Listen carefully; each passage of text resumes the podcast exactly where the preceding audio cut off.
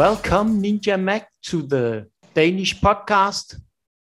The name, I will probably not say it in Danish, but it's The Wrestler and the Nerd, if I should translate it in some ways. But this is actually quite strange for me because I've never heard about a wrestling ninja.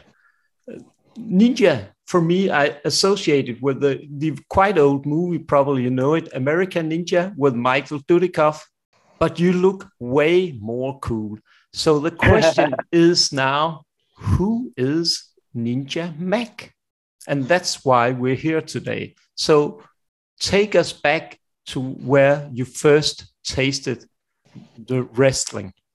How did it taste in your mouth? When did you first find out, I don't want to be just a ninja, I want to be a wrestling ninja? Well, wrestling nerd and podcast want to make a bet today for your podcast? Yeah, I always bet. good bet. And good bet. Well, uh, fans, if you haven't, go out and always go and subscribe to these podcasts and shows. These are our best ways to get out there. Uh, Ninja Mack. Uh, I would say I, I wasn't just a ninja um, before I wrestled. I wasn't just a ninja now that I wrestle. I think I've, I've always had the heart, the spirit, and the soul of a ninja, even growing up from a younger kid. Um, mm. you, as ninja you you kind of endure you train you discipline yourself.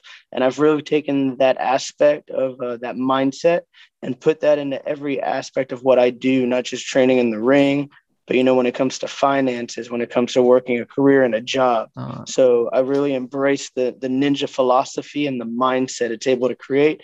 And i think that's where the the birth of ninja really started and then you know as you as you get older and you get uh, more entertained with tv i love movies growing up everything about ninjas captivate and fighting and then uh, wwf triple a back to pro wrestling noah in the early 2000s those were those were the shows i was able to catch as a kid on tv and that's what intrigued me as a ninja. So the the ninja mindset and then really really watching pro wrestling growing up as a kid and and then being an amateur wrestler myself uh, I ah. really, I really just embraced it, and it's just magical how the two worlds have really, really come together to ma- just make one unique character. Ah, so it's just you can say it's a merger of two worlds for you. It's the wrestling world and the ninja philosophy that you have taken in and becoming the character Ninja Mack. Yes, but uh, I think the numbers are off. I, I wouldn't just say ah. two. I, I, would have to say three. three. My, my wrestling, my, my wrestling, um, yeah. my my ninja philosophy, and then the mathematics of uh, gambling. Ah, so, yeah. But what is that thing about betting? Because you know, you know what? Uh, one, I don't. I just don't wrestle as a professional ninja wrestler all the time. I do ah. like to be a professional gambler. I like to sit at the tables. I, ah. I, like the intrigue of the game. You know, if you play a little mm. Texas Hold'em, some yeah. roulette, some Omaha, I'll sit down and it's not just there, there's a way to play a game and there's a way to learn to read people. And when you can learn to read people, and then you can almost uh, almost interpretate just by mindset, action, voice. The, uh-huh. the the reading of has really helped Ninja grow. So it's really three things have come together for me uh-huh. to make one thing, and that one thing helps me in all three categories. Ah, okay. So so actually, uh, it's those things that you also use in the ring. I could imagine that you use this ability to read the your opponent of course every uh, every angle and every number to a degree is analyzed just like every oh. probability and every fraction in a, cam- a, a gambling hand when you have to make a tough decision on the on the spot and that clock's running down and then let alone with um with me, me not being six foot seven like uh, most of these monsters on the field yeah. i have i have to take i have to take huge risk and huge gambles and much higher at higher payoffs just to be able to survive out there with these monsters because I, I, am not the largest person. I do i do got a little bit of a size for only being a five foot five man. Yeah. Uh, i believe i believe in uh, europe terms you could put me around 165 to 170 centimeters. I could be off on that. That's probably way uh, off but yeah but it really doesn't matter with the height i think because there's growing there's a hype growing about Ninja Mack all over the internet at the moment. And I can really understand why, because I've seen some of your moves. It's it's out of this world, if you ask me. Uh, it's like for me, it's like being a little kid in a candy shop when I watch you. It's such a joy because you're doing what you're doing is, in my eyes, very unique in the wrestling world. I've not seen anything like it for yeah for yeah. Uh, for what can you say? Over 30 years i watch actually i watch wrestling myself for over 35 years so. Well i, I think um i think at the at the time you know being um just a, another part of my life that i've added on talking about those uh three other three other yeah. things that really formed me my uh, my performance base got so much better when I went to the circus and I was able to perform under ah, a yeah. high level of stress in front of a lot of people before I even got into the wrestling world. So I was able to to get a taste of what the eyes on you look like, and you mm-hmm. know, in the circus, there's a you, you do act and there's multiple people in it. In yeah. the ring, it comes down to one person in a promo. It comes down to two people in a match, obviously according to specific matches. But there's there's more of a chance for you to capture a moment and to maybe that's selfish of me, but I, I want the eyes. I want the attention. I want to stand out. I, I believe everyone at a very high level in every degree, especially pro wrestling Noah, because we know pro wrestling Noah is number one in the world. Yeah, it is. It's so, actually there where there's so many exciting talents. Oh yeah, that that locker room that we just had the last two weekends brought yeah. in great stars from across the world. You had you had level stars from older generations, younger generations, mm-hmm. all over in every program. That that locker room is going to be something crazy if we can move forwards. And then watch that Noah roster grow as they just got some visas into America. And I believe Japan actually opens back up in sometime in J- June. So that's going to be very exciting to get that tourist part going again. Okay. Wow.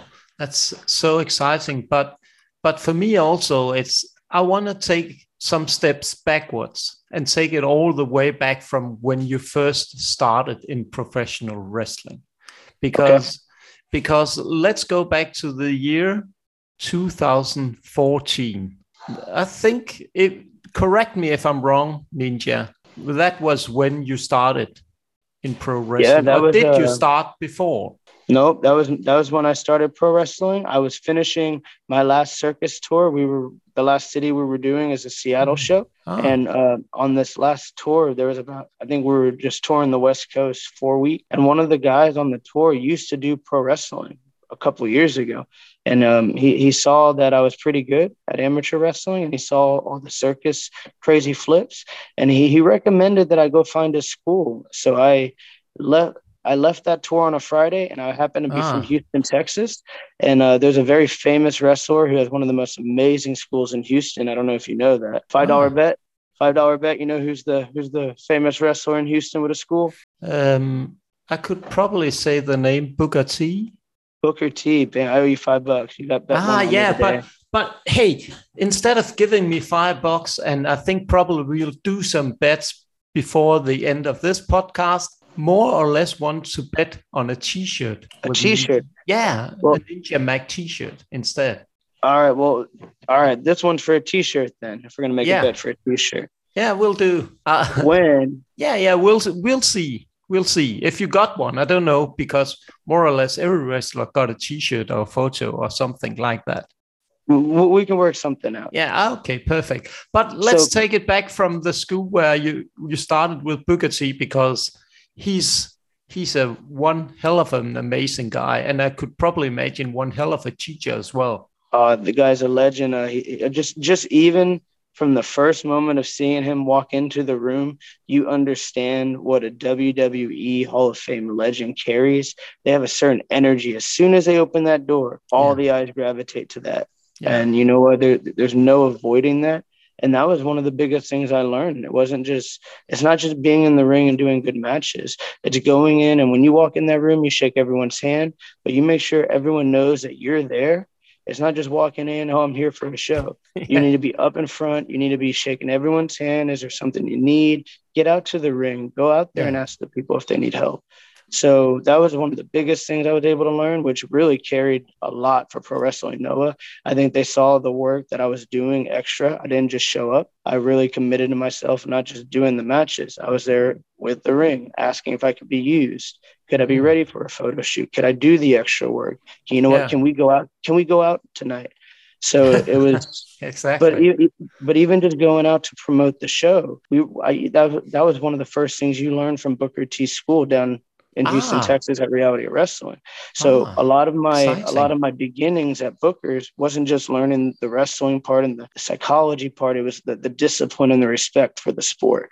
Ah. And that carried me a long way. So, so yes, I, I, did start in 2014 with Booker T, um, mm. but that was right at the end of December. So I, I, would say I had a good start in 2015 when they really pulled me into matches. And yeah. uh, it was a it was a very short thing at Booker's. So it just you know you, you at the level I was already working, I was yeah. trying to expand and try and do four or five matches a weekend. Oh. where when you're running when you're running a TV show, you're, you're trying to run one good one a month, maybe two a month, and yeah. I needed a little more work rate. So you know, I, I, I learned what I needed to learn. I grew. I moved on, and I, have been on I've been on a very rogue journey since. So so what take us through this journey because it's quite long. Because take us to back to the year 2015. Then what happened there? Because your first step was in 14, but from there on 2015, what happened in your career there? You know, I was I was so focused, you know, um, coming off the discipline of just being in the circus and already performing, I wasn't in a rush to have to have a nine to five job. So I was fully committed to training, and I spent my time in that gym, and I disciplined myself, and I trained um, probably more than most, but I, I, still train. I think more than most right now because I'll spend three. I'll go to the ring three times a day if I can, even if it's just short hour hour quick roll or two hours. I think it's just a habit of wanting to be in the gym, wanting to be in the ring. Um, so just as I was training, I was able to be very fortunate and have good trainers there, like Ryan Davidson. They had a oh. Rex Andrews. Uh, actually, Ryan just did a, a Japan tour right oh. before the COVID thing, so I, I was able to be fortunate ah. to have um, to be able to go back and speak to some people to kind of prepare myself to get ready for more Japan work instead of just coming out here on a limb.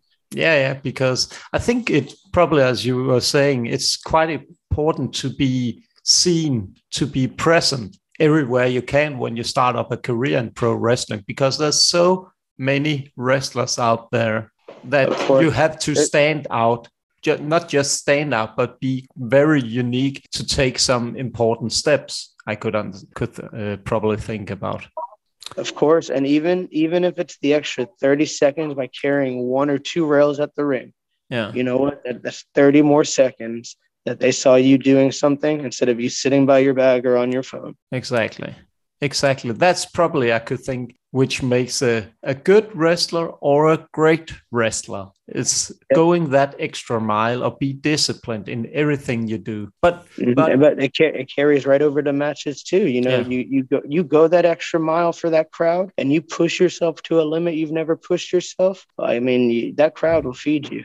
Yeah, uh, and they're feeding you at the moment. You can think, but but I think for me, it's the most important thing is actually understanding the road to where you are now because every, everyone can see that you can do some yeah breathtaking stuff but how did you get there that's what i want to find out i want to take find one one brick at a time for the puzzle maybe we will not make the whole solve the whole puzzle about ninja mack today but i'll bet you we we will solve a little bit of the puzzle but but take us through some steps in your career to where you are now. Some of the most important, what can you say, pointers or barriers that you crossed. What was, when did you first, what can you say, um, your first uh, trouble thing you experienced in pro wrestling? You know, uh, um, uh, the first bump that you you experienced. Uh,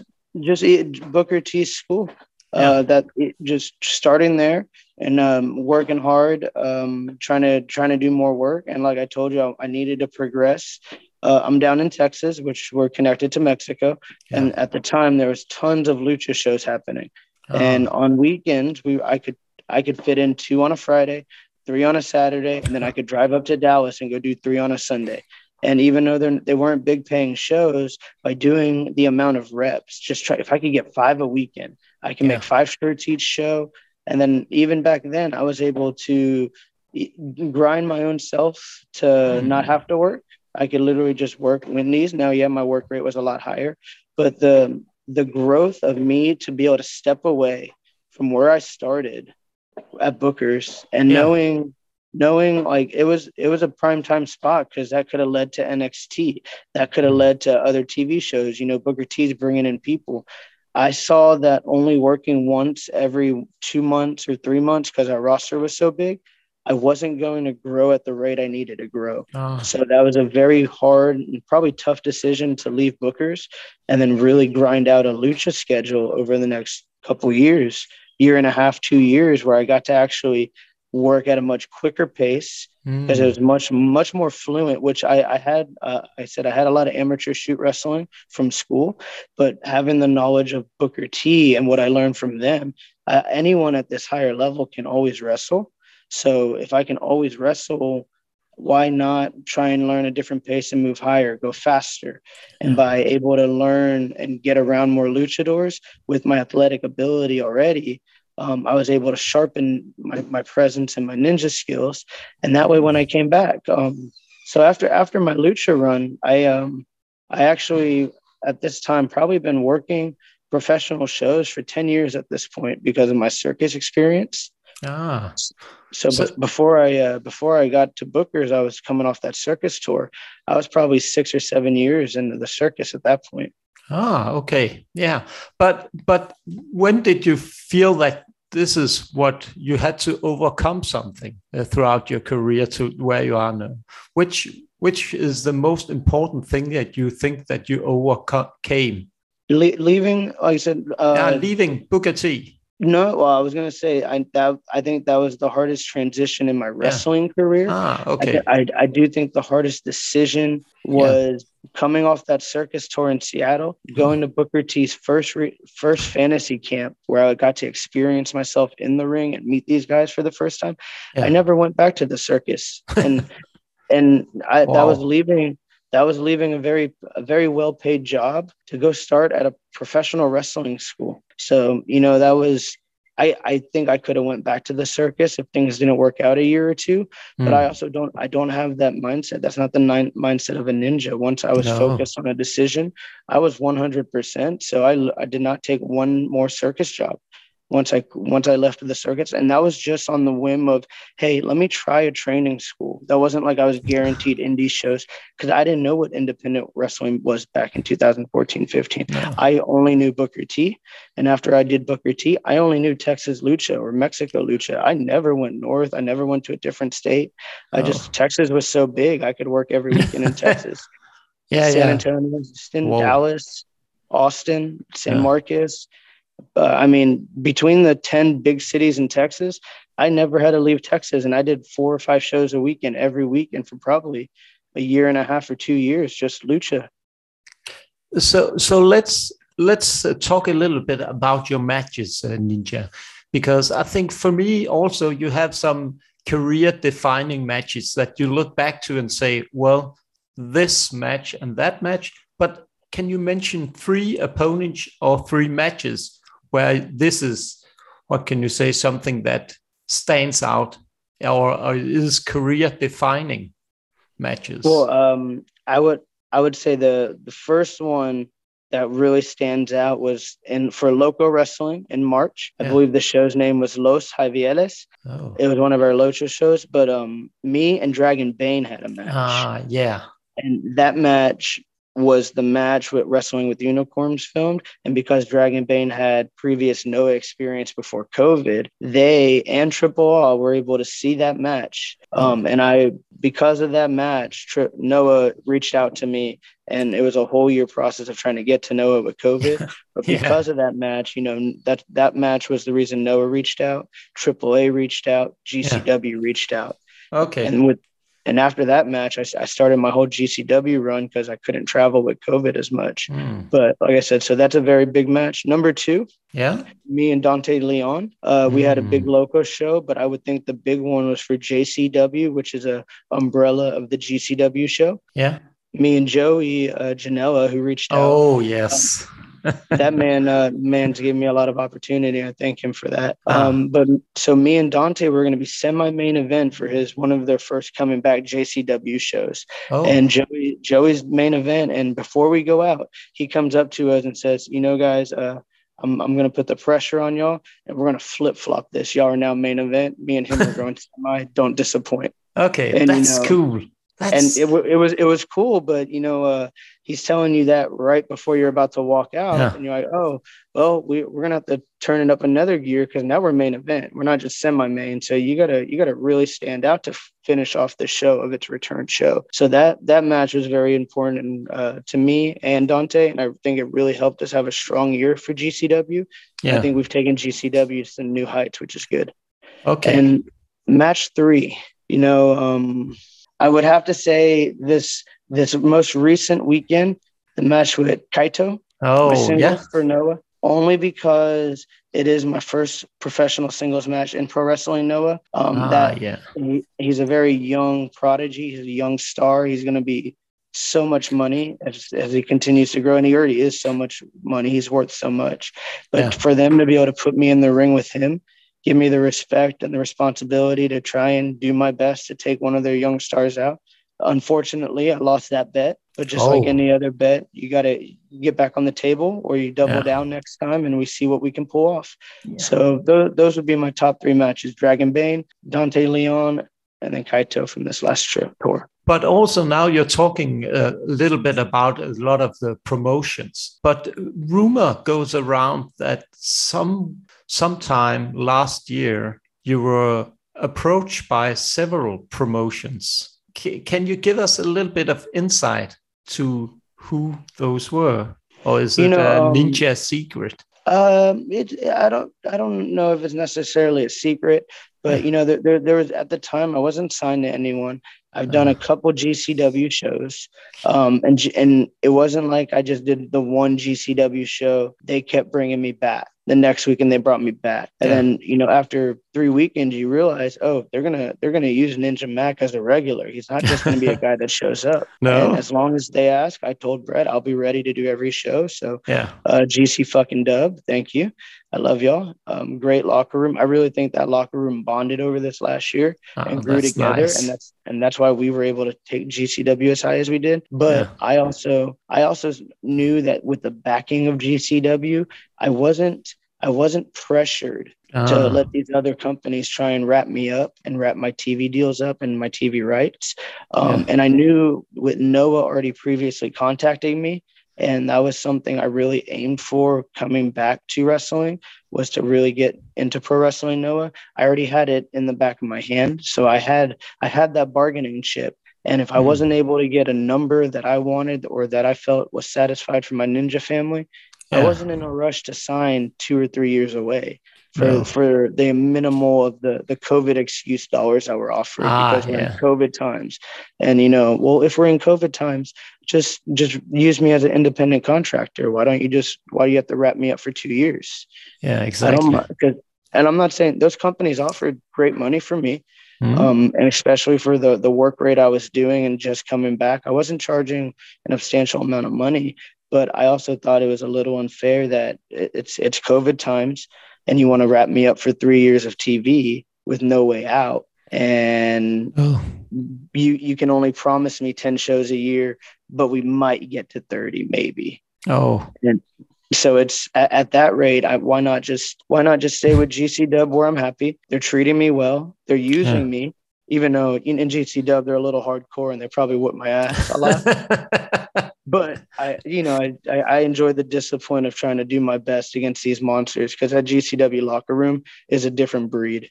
Yeah, but but then again, none. Have you been approached now directly? Have you been approached by one of the two big ones, WWE or AEW? You know, so I, I just recently did the Ring of Honor show by uh, Brian uh, yeah. with Brian Cage. Oh that yeah, monster that monster that... machine whooped my ass yeah. so bad for seven minutes, and I, I I tried to fight back, and he threw yeah. me around. So um, Ring of Honor, y'all have a future champion, I believe, because it's not often I get my ass whooped that hard, no. and for him to throw my ass around, I think Ring of Honor needs to watch out for Brian Cage. Uh, yeah. Now, now going back, I was contacted by Ring of Honor before they were bought by AEW. Ah. Um, after they were bought, uh, it did take a little bit for them to reach out, but they're doing all the transactions and transitions. But as soon as I got in touch with Chris Daniels and Tony Khan, uh, they were great. They they were reached out and they were able to get me every information I needed for the show. They let me Okay. still do the show, which was Ah. phenomenal because they didn't have to use me. And just out of out of um, respect of using the the previous talent agreement, they still let me do it, which I, I'm so thankful for. Just because I got me another set of eyes, and as long as I can entertain for a new set of eyes and I can grow Ninja Mack, that's Yeah. all I'm trying to work for. So thank you, Tony. Thank you, Chris. And then besides that, I have not. Uh, I have not been in touch with AEW or the other the big monster WWE. I have I've sent out just I mean I'm not I'm not one against either of them. I've sent out um, applications for NXT bef- when I was first coming back. yeah. So I, I've sent out work and I just I've never got answered. So I've I've, Okay. take, I've chosen to take my talent to Japan. elsewhere. Yeah, but I think actually it will be a little bit sad for me that you will be put into that big ma- crushing machine right now, because I really like the creative uh, freedom that you have to develop your character. Because Oh, I think I, There's I wouldn't so- change. there's so much potential in the way that you, the stuff that you are doing now. So so please promise me, and uh, I would like to bet with you on that that you have a bright future, and I and I really hope that we will see you uh, somewhere down the line in the New Japan Pro Wrestling. Who? Uh, in New Japan Pro Wrestling. I, I don't know who that is. No, okay. Ah, no. Okay. Yeah, Uh, I, yeah. I, I just know for wrestling Noah. Ah, yeah. number yeah. one number one wrestling company in Japan. Yeah. So so what let's talk a little bit about Noah and your future there because I think there's so much there for you as you're saying, so much for you to do there. So what will the future bring for Ninja Mack in Noah? You know, um, I think after these last four shows and the two weeks I had, I've made it very clear that I'm already there for a junior heavyweight championship run. Yeah. Um, I, if they want to put me at the end of the line and they want to put me in a grind to run through their whole roster for a whole year, it's no problem for me. I don't mind taking every single challenge. If they want to give me the runners up just to give me a better standing and just see where I'm at, give me a better spot on the Mm. card title, then I'm ready to wrestle whoever they need me to wrestle to show. But I will be the junior heavyweight championship at one point, and after that, you never know what could happen with a ninja. No, the ninja will always evolve, but just disappear. I vanish, big big puff of smoke. You never yes, know. exactly. Ninjas always disappears with smoke. Have you ever considered using that when you enter the ring? Just There- popping there- up. There's been a there's been a couple times, but I would say, um, you know, with with the level of ninja experience I have, Yeah. my uh, my current smoke screen isn't as good as it needs to be. So that's something I could Ah. work on. I've had a failed couple attempts where maybe um maybe my my practice of my ninja smoke isn't as good as it needs to be yet. Yeah. So that should probably be one thing that you should be working a little bit harder on. So you Of can course, you use know. that one, probably popping up ar- around in the ring. Of course, you know, nin- my, my smoke ninjutsu. That's a that's a good attack to use one day, but we got some work in to do because I Yeah. I've, I've failed so far at it. Ah, okay. But but I think now actually we could um, talk for hours and hours. It's it's such a pleasure to have this uh, opportunity for me to talk with you because I, I really want the wrestling world to know Ninja Mack, Hey, they're, they're gonna find out if they don't know already, and you Yeah, can bet that. and I'll bet on that. exactly. But but what can I say? Um, I could ask a lot more questions, but I think you have to go back to training, as you mentioned before. I turned on this um, microphone, and we talked a little bit about that. So, Ninja Mack, I hope that you enjoyed this. It was a pleasure for me to do this interview, and I'll bet we'll talk again soon. I appreciate that. And Yeah. people that are listening to this podcast, if you go out there and you want to make a bet, please go subscribe, follow, comment, like, do everything you can to make this podcast get out there. And Ninja Mack appreciates y'all. Y'all can bet that. Have a good day.